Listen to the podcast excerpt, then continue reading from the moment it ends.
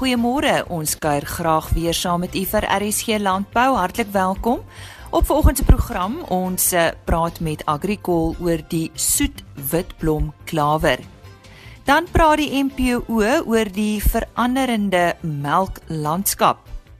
Afriwet vertel vir ons watter honde is kindervriendelik en tydens die Jong Ooi skou op Philipstown het ons medewerker in die Noord-Kaap ook daar met Wolf Edmeyer van BKB gesels. Die Alpha Expo word vanjaar vanaf 18 tot 20 September by die Afridome in Parys aangebied. Om te hoor wat is Cape Gate se deelname oor Naini Maas. Ons gesels nou met uh, Okker Du Plessis van Cape Gate. Hulle is betrokke by Alpha. In hoe mate is julle betrokke by Alpha, Okker? Ehm, um, hierdie is ons tweede jaar wat ons by Alpha betrokke gaan wees en van Cape Gate se kant af het ons besluit hierdie jaar om om betrokke te raak by die borg van die Mega Os kompetisie. So uh, ons wil graag hê dat al die al die groot teelers van die Mega Os moet inskryf vir hierdie kompetisie en uh, ons van Cape Gate se kant af gaan dan dit borg by die Alfa week. Verwag jy 'n groot belangstelling? Ehm um, op hierdie stadium het ons al redelik ehm um, belangstelling gekry en uh, ek dink dit gaan 'n interessante kompetisie wees. Ehm um, wat nie so tegnies soos gewone ander beeskompetisies is nie. So hierdie is meer die die ehm um, genot agter dit ek dink wat die wat die mega os betref. Sê baie dankie aan Okker Du Plessis van Cape Gate. En hy gesels ook nou met die MPO. Ons uh, gesels nou met Dr. Chris van Duyk van die uh, eh, MPO en ons uh, praat 'n bietjie met hom oor die veranderende melklandskap. Ja, dinge het oor die uh, afgelope dekades nogal baie verander wat die uh, melklandskap betref, nee Chris, ek bedoel uh, daar is in 'n sekere sin meer melk, maar minder boere. So die produksie is groter. Die ekonomie van skaal speel nou 'n belangrike rol, nê? Nee. Ja, nee, ja, definitief. Ek dink die jy weet as jy gaan jy noem dit melklandskap. Ehm um, ek noem dit 'n totale struktuurverandering wat besig is om plaas te vind. Jy weet as ou gaan vat in kom ons sê in 1980 was omtrent 12000 melkbore in die land en ons het so uh, in 'n omgewing van seker 2 2 miljard liter melk geproduseer met omtrent 500 000 koeie. Nou het ons um, 1422 ehm um, stalle in die land en ons hierdie jaar is die projeksie dat ons so 3.5 miljard liter met omtrent 600 000 koeie gaan die ekonomie van skaal is definitief daar en dis hier duidelik wat wat besig is om te gebeur. Die die kusstreke het omtrent 84% van die um, land se melk die die Weskaap, die Ooskaap en dan natuurlik Natal teenoor die res um 16% wat in die binneland is. Jy weet so um areas byvoorbeeld um die oostelike hoofveld wat die hoogste melkproduserende area in die land was in die 80s um, produseer omtrent 1% van die land se melk nou. Hierdie hierdie soort van ding, die ekonomie van skaal wat melkproduksie betref, gebeur dit ook in in die buiteland, Amerika, Europa. Nee, ja, ek dink as jy weet die die inligting wat ek gehad het of wat ek het is is dat um, byvoorbeeld Amerika was iets so 95000 melkbore gewees. Hulle is nou af na ek dink by die 70000, 75000. So daar het omtrent 20000 melkbore verdwyn. Ek het nou net gesien in, in Wisconsin wat die um, baie klein weet familiemelkery het wat een een boer 10 of 20 of 50 koeie. En daai kuddes is daar seker omtrent 100 150 van hulle wat nou onlangs net maar besluit het jy weet hulle kan nie verder nie en hulle moet ophou melk. Dit teenoor die, die baie groot kuddes wat ons bevoeld in Kalifornië het daar tot um, 10000 koeie in 'n melkery is. So uh jy jy sou sê dat uh Suid-Afrika genoeg melk produseer vir sy eie behoeftes. En ja, um, as jy mens gaan kyk na die die eerste ehm um, dit het eintlik laas jaar al begin, jy weet laas jaar September, Oktober die koeie het omtrent so Augustus, ehm um, Julie, Augustus laas jaar het die koeie begin kalf daar in op op die wat op die weidings is in die oostelike ag in die Ooskaap.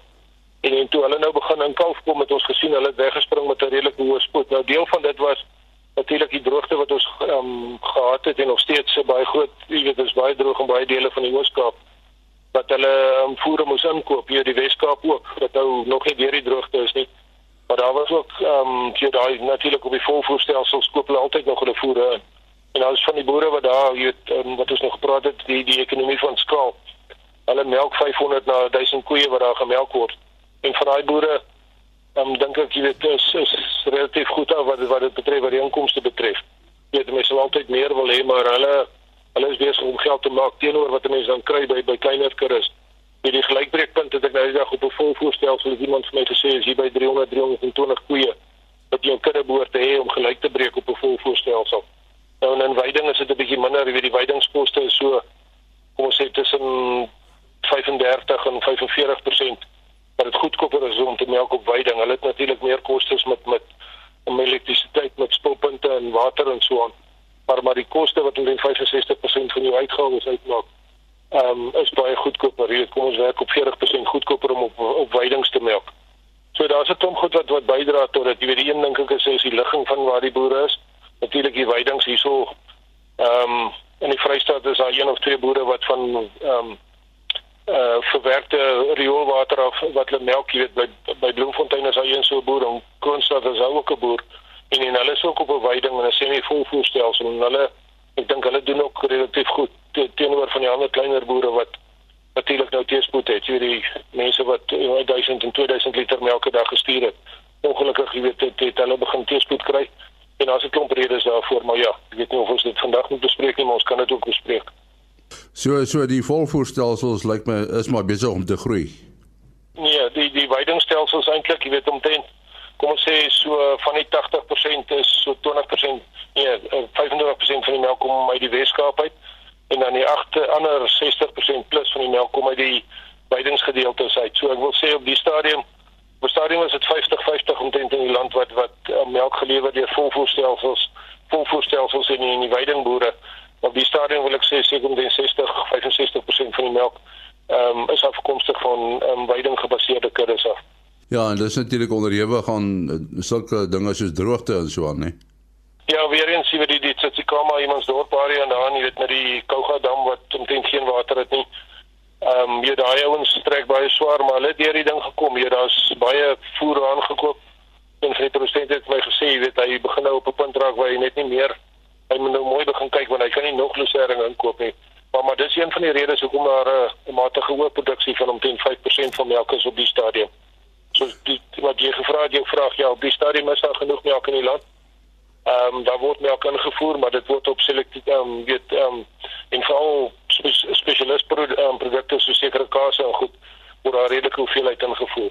Dit ons in die laaste 5 5 na 6 jaar het die die verbruik van per capita in Suid-Afrika van omtrent 40 kg per persoon opgeskuif na 59 kg per persoon. Ons is natuurlik nog ver weg van die van die wêreld se per capita gemiddelde verbruik van omtrent 112 kg, maar ja, dit dit, dit daar's definitief meer mense wat melk gebruik en onder andere die IAT melk, weet dit altyd baie vrae is rondom die IAT melk en veral oor die invoer van die IAT melk, maar dit, dit maak dit beskikbaar meer beskikbaar vir die huisvrou, weet ehm um, dit maak dit maak makliker om 6 6 bottels IAT melk te koop en dit daar te hou in jou in jou spens. Um, en dan natuurlik die mense wat nie um, verkoelingsgeriewe het, jy kan nou ook melk begin verbruik omdat hulle die IAT melk kan koop wat jy in buite op die rak kan hê. Ja, sê baie dankie aan Dr. Chris van Dijk van die MPO. Ons gesels weer eens vanoggend met Frans de Klerk. Hy is 'n uh, onafhanklike tegniese analis en as ons met hom praat, is dit gewoonlik oor uh, oor die mielieprys en die rand en vanoggend begin ons met die rand. Goeiemôre Frans. Môre Lize. Ehm um, as ons nou kyk na die rand, dan kan ons maar vir onsself sê dat alhoewel ons graag wil 'n sterker rand hê, ons almal wil in ek en Kleis, ehm um, ongelukkig sê die grafiek vir ons iets anders. Die rand is al vasgevang sedert 2016. Nou ek kyk nou môre sommer na 'n weeklikse grafiek van die rand. Met ander woorde, ek gooi al hierdie amper kan jy sê skommelinge van die week weg en ek kyk na wat oor 'n week gebeur om my 'n duideliker prentjie te gee. Nou as jy na hierdie dalende kanaal kyk waar die rand vasgevang is, dan sê dit vir jou hy het oor 'n periode stelselmatig versterk hiervan kom ons sê naby aan R17 teenoor die dollar en hy karring nou hier by R13.21 maar 'n dalende kanaal het ongelukkig die vermoë om na bo te breek en dit beteken verswakking. Nou wanneer die dalende kanaal na bo breek en ek wil net daai vlak eintlik vir die luisteraars vermoere deurgee is R13.58. Sodra die rand weer bo R13.58 kom, is my eerste teiken ehm um, R14 daai sielkundige vlak en ongelukkig sy uitspeel oor tyd kan hy die rand vat tot so swak as R15.50 en selfs R15.60. Ehm um, ek ek wil my verstout om te sê die rand gaan baie moeilik onder R13 versterk vir die eenvoudige rede omdat die die indikators al reeds wys dat daar bietjie verswakking wil intree en ek sou eers tegnies positief raak oor die rand vir verdere versterking as die rand onder R12.73 kan gaan. Nou wel, dis amper 40 sent hiervan af wat ek dink nie maklik gaan gebeur nie. So ek sien ongelukkig 'n verswakkende rand vir die toekoms vir Suid-Afrika, maar die moment wat ek dit sê, dink ek gaan baie boere se ore spits want hulle gaan dadelik vir my sê kans maar 'n verswakkende rand beteken vir my dat die mielieprys of die ander sagte kommoditeite dalk net mooi kan verbaas na bo. Nou dis presies waaraan ek kyk. En ek kan onthou toe ek en jy so maande terug gepraat het, ehm um, toe was die mielieprys en ek, ek kyk sommer nou na die nabye kontrak was hier rondom 1800 rand en ek het genoem dat die die mielieprys 'n lieflike konsolidatiebasis bou en sedertdien het daai mielieprys al amper 400 rand gestyg. En onthou nou ons het rekord oeste gehad, ons het 'n goeie oes agter die blad gehad, maar soos grafieke werk, weet ons alles gaan nie net altyd goed nie. En nou hoor ons van 'n El Niño en dan wil ek ook sê die grond onsekerheid amper kan 'n mens sê in Suid-Afrika wat ons heidaglik ervaar, kan mieliepryse stit. En die rede hoekom ek dit sê, ons kan dalk net minder aanplantings kry in die toekoms as wat ons verwag as die onsekerheid voortduur. Nou, die groot vlak vir my vir die mielies en dit is nogal heel belangrik is die vlak van R2200 teenoor 'n ton op die huidige kontak. As die mielieprys bo R2200 kom, dan begin hy werk aan daardie slegte val wat hy gehad het van oor die R4000 af na amper kan jy sê R1800 oor 'n kwessie van kom ons sê 12, 15 maande. Nou as hy daai R2200 breek, kan hy stelselmatig al sy werk opvat en hy gaan dit vir boere vlakke gee wat jy amper nie gaan glo wat mielieprys kan doen as die rand bly verswak en as daar onsekerheid kom of hierdie El Niño voortduur is R2322 per ton 2400 rand 2463 2453 en selfs so hoog as 2774 is eerste haalbare teikens wat die mielieprys kan maak. Indien hierdie grafiek van my reg is dat hy uit die konsolidasieband wil bo, na bo breek. Hy maak hoër laagtepunte wat sê vir jou dat die kopers van mielies op elke terugtrek van die mielieprys gretige kopers is. Nou ja, sê daarmee baie dankie aan Frans de Klerk en uh, ja, Frans net 'n e-posadres. Hy het verander intussen vandat ons laas gesels het. Ja, wat eh, die die e-pos wat ek gebruik is frans@fransdeklerk.com en dan boere wat of of kopers of verkopers families wat pryse soek kan my altyd ook skakel 082 900 996. Goed, herhaal net vir ons daai nommer weer. 082 900 996. Nou ja, dit was dan die stem van Frans de Klerk. En nou vir ons bydra vanaf Afriwet.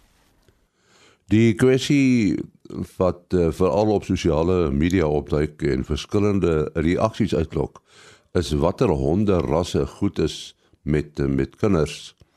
Nou 'n kenner op die gebied is dokter Elisna Boug en sy gaan ons nou meer vertel. Uh, Elisna, so 'n paar riglyne oor die onderwerp asseblief. Dankie Jenny. Um, ja, die vraag kom ook voor in praktyk. En soos jy sê, ek sien dit self gereeld op sosiale media.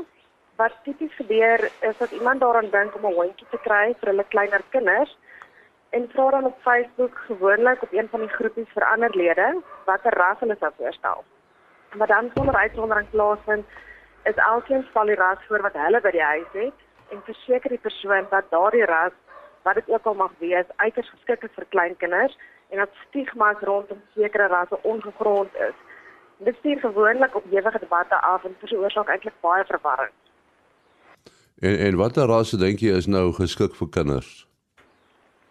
En hier is nie 'n eenvoudige vraag om te antwoord nie, maar die familie moet 'n paar dinge in gedagte hou. Onder meer die ouderdom van die kinders, die grootte van die tuin, hoeveel tyd hulle as familie het om die hondjie te gaan stap of te neem vir klasse byvoorbeeld. Ook natuurlik die grootte van die ras, maar die belangrikste deel is om behoorlik navorsing te doen oor die ras wat hulle in gedagte het. Beagles byvoorbeeld is kleiner ronde, maar hulle en hulle is baie goed met kinders, maar hulle is ook baie besig en baie mense weet dit nie altyd nie. Hulle het ook 'n groter tuin nodig. Om bietjie meer te gesels oor spesifieke rasse, die algemene tipes wat wat tipies voorgestel word. In jou groot rasse is honde soos Labradors, Boerboele en Great Danes. En by die kleiner rasse is Jack Russell's baie gewild, ook Boershondjies. En meeste van die platneus rasse is baie goed, byvoorbeeld Boston Terriers en Bull uh, French Bulldogs. Dit skep baie verwarring want in meeste gevalle maak dit nie regtig saak watter ras jy in jou huis inbring nie. Die kans is baie goed dat die hond 'n liefdevolle lid van die familie gaan word in meeste gevalle sal 'n hond nie aggressief wees teenoor familielede nie. Ja, dit is tog so dat daar 'n sekere sin 'n ooreenkoms is tussen die eienaar en en die hond, nê, nee, uh, wat wat gedrag betref. As jy nou 'n uh, sienagtige persoon het, dan dra hulle dit oor op die op op die diere. Dit kan definitief wees die die die manier hoe iemand jou hond groot maak en ook natuurlik wie jou kinders leer speel 'n speel 'n massiewe rol. Ehm um, maar die belangrikste ding tot nou is dat enige hond kan byt. En die rede is dan verwissel van geval tot geval. Tipies is die gevalle wat die nie sal kinders wat die Rottweilers, Pitbull of Bull Terriers gebyt word. En die rede daarvoor is eenvoudig net omdat sekere rasse meer skade gaan doen sou hulle byt. En ehm um, hoe dit ook al sê, die vraag van die familie moet afvra is indien die hond byt, is die geras is die, die spesifieke ras geneig om aan te hou byt of is hulle geneig om net te byt en los. En natuurlik gaan kleiner rasse minder skade aanrig in in bytgevalle. Snaaks genoeg is die ras wat die meeste of wat gesien word as die aggressiefste is is eintlik worshondjies. Maar hulle gaan nou nie juist nie so oor oor 'n byt nie ander rasse wat op daai lys is van aggressiwiteit is ook chihuahuas en um cocker spaniels. Um wanneer kom 'n spaniel, hulle is hulle is klein, medium grootte en baie mooi, maar kan onverwags byt en kinders is geneig om hulle te gaan en net te vat sonder om te vra en dan word hulle gebyt. Rasse wat oor die algemeen goed is is soos ek gesê het Jack Russell, Beagles, Labradors, my my persoonlike gunsteling is natuurlik 'n miniatuur schnauzer. Hulle is baie baie goed met kinders. En dan rasse wat ek nie sal voorstel nie is jou veghondrasse, byvoorbeeld jou Sharpei Charles. En uh, mens hoor dan van griesame gevalle waar honde baie aggressief geraak het en 'n kind gebyt het. Uh hoekom gebeur dit? Uh, is dit maar omdat die die uh kinders die honde terg of iets? Dit kan in gevalle gebeur waar kinders honde terg. Dit is wat dit is definitief een van die redes. Ander goeters wat wat mense nie regtig aan dink nie is uh, byvoorbeeld 'n ouer hond wat miskien um, aan artritis ly en dan in pyn is, maar dit is in hulle natuur om daardie daardie ehm um, dit jy weet dit te onderdruk sodat mense dit sien. So jy weet dit nie noodwendig nie en dan byt hulle omdat hulle bang is hulle kry seer of 'n hond word miskien on, onkant betrap en dan byt hy reaksie uit. Ehm um, en wat in baie gevalle gebeur is die hond beskerm eintlik die familie. Hy hy sien byvoorbeeld 'n kind se maatjie as bedreiging wat natuurlik nie die geval is nie maar vir hom is dit 'n bedreiging en dan byt hy die die kind se maatjie. Ja, sê baie dankie aan uh, Dr. Elisna Bouk van Afriwet wat ons vertel het van honde. Volgende aan die woord is Henk Krafort, hy's van Agricol en hy vertel ons van die soet witblom klawer. Ja Henk, wat is dit? Goeiemôre Lisa en die luisteraars. Want as ek so in boeretaal kan verduidelik, boere en die saad maatskappye is al etlike jare op 'n soektog na peulgewasse wat saam met somergras spesies geplant kan word omdat dit so goed saam die stikstof wat die peulgewasse fikseer om die gras beter te laat groei en ook die proteïen en produksie wat verhoog word. Soet witblomklawer se algemene naam in die saadhandel is dan Melilotus alba. En ons praat eerder oor Melilotus maar dit is 'n gewas wat bekend is onder die boere nie. Dit is hoofsaaklik 'n eenjarige somerpeelgewas wat met gemoedsrus en somerweidingsmens gebruik kan word. Hoewel dit 'n uh, eenjarige gewas is, besit dit 'n goeie vermoë om homself weer in te saai vir die komende seisoen, omdat hy baie saad maak in sy bloeiwyse. Met voldoende en goed verspreide reënval kan die spesies bykans op enige plek groei. Dit is veral aanpassing gebiede waar die jaarlikse reënval 430 mm en meer is. Die soetwitblomklawer is sensitief vir baie suurgronde, maar presteer uitstekend op neutrale tot alkalisiese grondtipes. Verlede het boere baie keer resering tussen die grasspesies aangeplant, maar resering is 'n bietjie duur en dit is ook redelik smaaklik en word vinnig uitgewy. Daarom is die soetwitblomklawer 'n goeie opsie. Hoe veelsidig is hierdie gewas, Henk? As dit kom by veelsidigheid, kan ek sê die gewas is veelsidig en kan in mengsels saam met ander teelgewasse geplant word of in 'n mengsel saam met somergras spesies soos smitsvinger en roodsgras. Die soetblomklawer kombineer baie goed met Aramanslusering en ook 'n nuwe spesies op die mark, Desmantus, om sodoende aangeplante weiding te vee te vestig. Die saad is ook normant en sal vinnig gevestig word. Verder sal dit help om vinnige vinniger weimateriaal vir vee te produseer aangesien Aramanslusering en Desmantus teelgewasse geneig is om meer dormant te wees en langer te neem om te vestig. Witblomklawer is ook uitstekend vir penetrasie van verdigte gronde en kleipanne en kan ook as grondbedekking gebruik word. In gewasrotasies bied dit die voordeel dat fosfaat, kalium en ander mikrovoedingsstowwe uit onoplosbare verbindings in die grond vrygestel. Soet witblomklawer kan ook die grondstruktuur verbeter asook dreinering en die waterhou vermoë van verhoog. Verder kan die gewas stikstof fikseer en lewer dit ook hoë produksie en of massa. Dit kan ook die biologiese beheer van insekplaae bevorder aangesien die bloeisels predasie wees lok. Baie vind ook die gewas bloeiwyse baie aanloklik. Die gewas kan dus ook goed die heuningproduksie. En gesels bietjie met ons oor die voedingswaarde daarvan. Weet jy wanneer dit kom by voedingswaarde, as ons praat van beweiding, kan dit vir beweiding gebruik word en dit is dan raadsaam om soetblik wit blomklawer in 'n kombinasie of met ander teelgewasse of grassoorte te vestig. Reeds gesê smitsvinger en die roods gras spesies is dan is goed om die witsoetblomklawer daar in te meng en dit saam te vestig.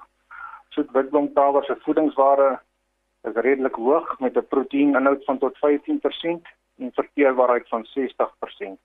Die gewas kan ook groen bewy of gehooi word. Oor moet egter daarop let om die gemigte hooi oor te aangesien die hooibale dalk 'n giftige chemiese verbindings kan inhou. Soet witblomtaal en goeie verdraagsaamheid teenoor gronde met lae vrugbaarheid en hanteer periodieke vloede en of droogte toestande baie goed.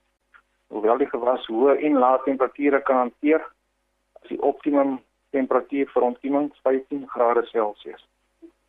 Stikstofbindende bakterieë, Rhizobium, dieselfde stam as Lucerne enstof, moet voor vestiging saad toegedien word. Die soet witblomklawer is baie sensitief vir 'n groot aantal onkruiddoders. Dit dit ook net weet. Waar kan luisteraars meer inligting kry, Henk?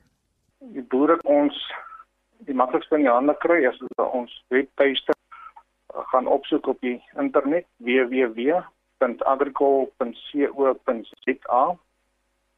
So aan ons webtuiste is 'n strook met verskeie opsies in daar is onder andere 'n blokkie wat sê agents waar hulle kan um, klik om 'n agent in sy area op te hoor. Daar is ook contacts waar hy op kan gaan klik en uh, bemarker in sy area op te spoor wat hom kan help met met enige raad. En heel regs bo in die blokkie op die webtuiste is 'n search funksie waar mens enige woord kan gaan intik soos byvoorbeeld soet of witblomklawer of mielielotus of mielies of sonneblom en dan sal die rekenaar jou na die gepaste afdeling bevat. Hier daar gehoor van Henk Crawford van Agricol. Gisteroggend het Koos de Pisani ons medewerker in die Noord-Kaap met Herman Hugo gesels oor die wolbedryf en ons boere. Hy het ook met 'n uh, koninklike verteenwoordiger van uh, Brittanje, Pieter Ackroyd gepraat oor die rol van wol in die modebedryf. En vanoggend praat hy met BKB. BKB speel 'n groot rol in die wolbedryf in die Karoo. Tydens die Philipstown Interklub Jongooi skou het Wolf Etmeyer, die hoofuitvoerende bestuurder van BKB, met die wolboere kom gesels oor die huidige stand van die wolbedryf in Suid-Afrika. En ek het hom voorgekeer om uit te vind hoe lyk die stand van sake in die wolbedryf. Wolf, die wolkwekers het die afgelope jare baie goeie seisoen beleef. Waar staan die wolbedryf in Suid-Afrika teenoor die res van die wêreld? Daar's geen twyfel dat die afgelope seisoen vir ons almal in die wolbedryf baie goed was.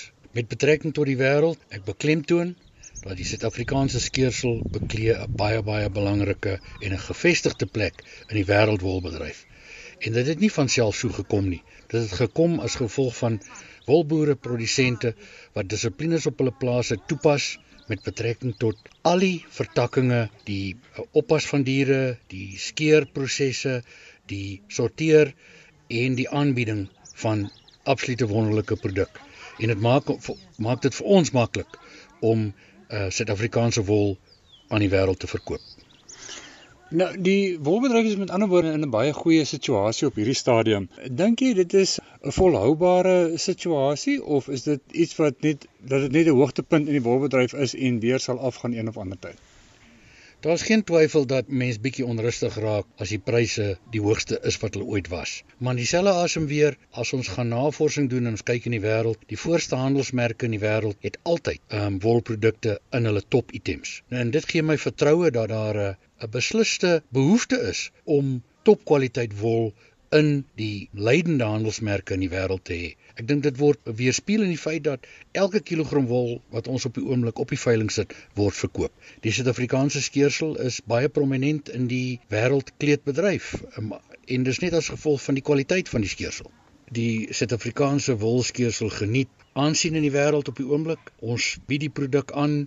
Ons weet dat by verre die meeste van ons wol word uitgevoer uit die land uit. Die nommer 1 bestemming op die oomblik is China en nommer 2 is die ehm um, Tsjek Republiek.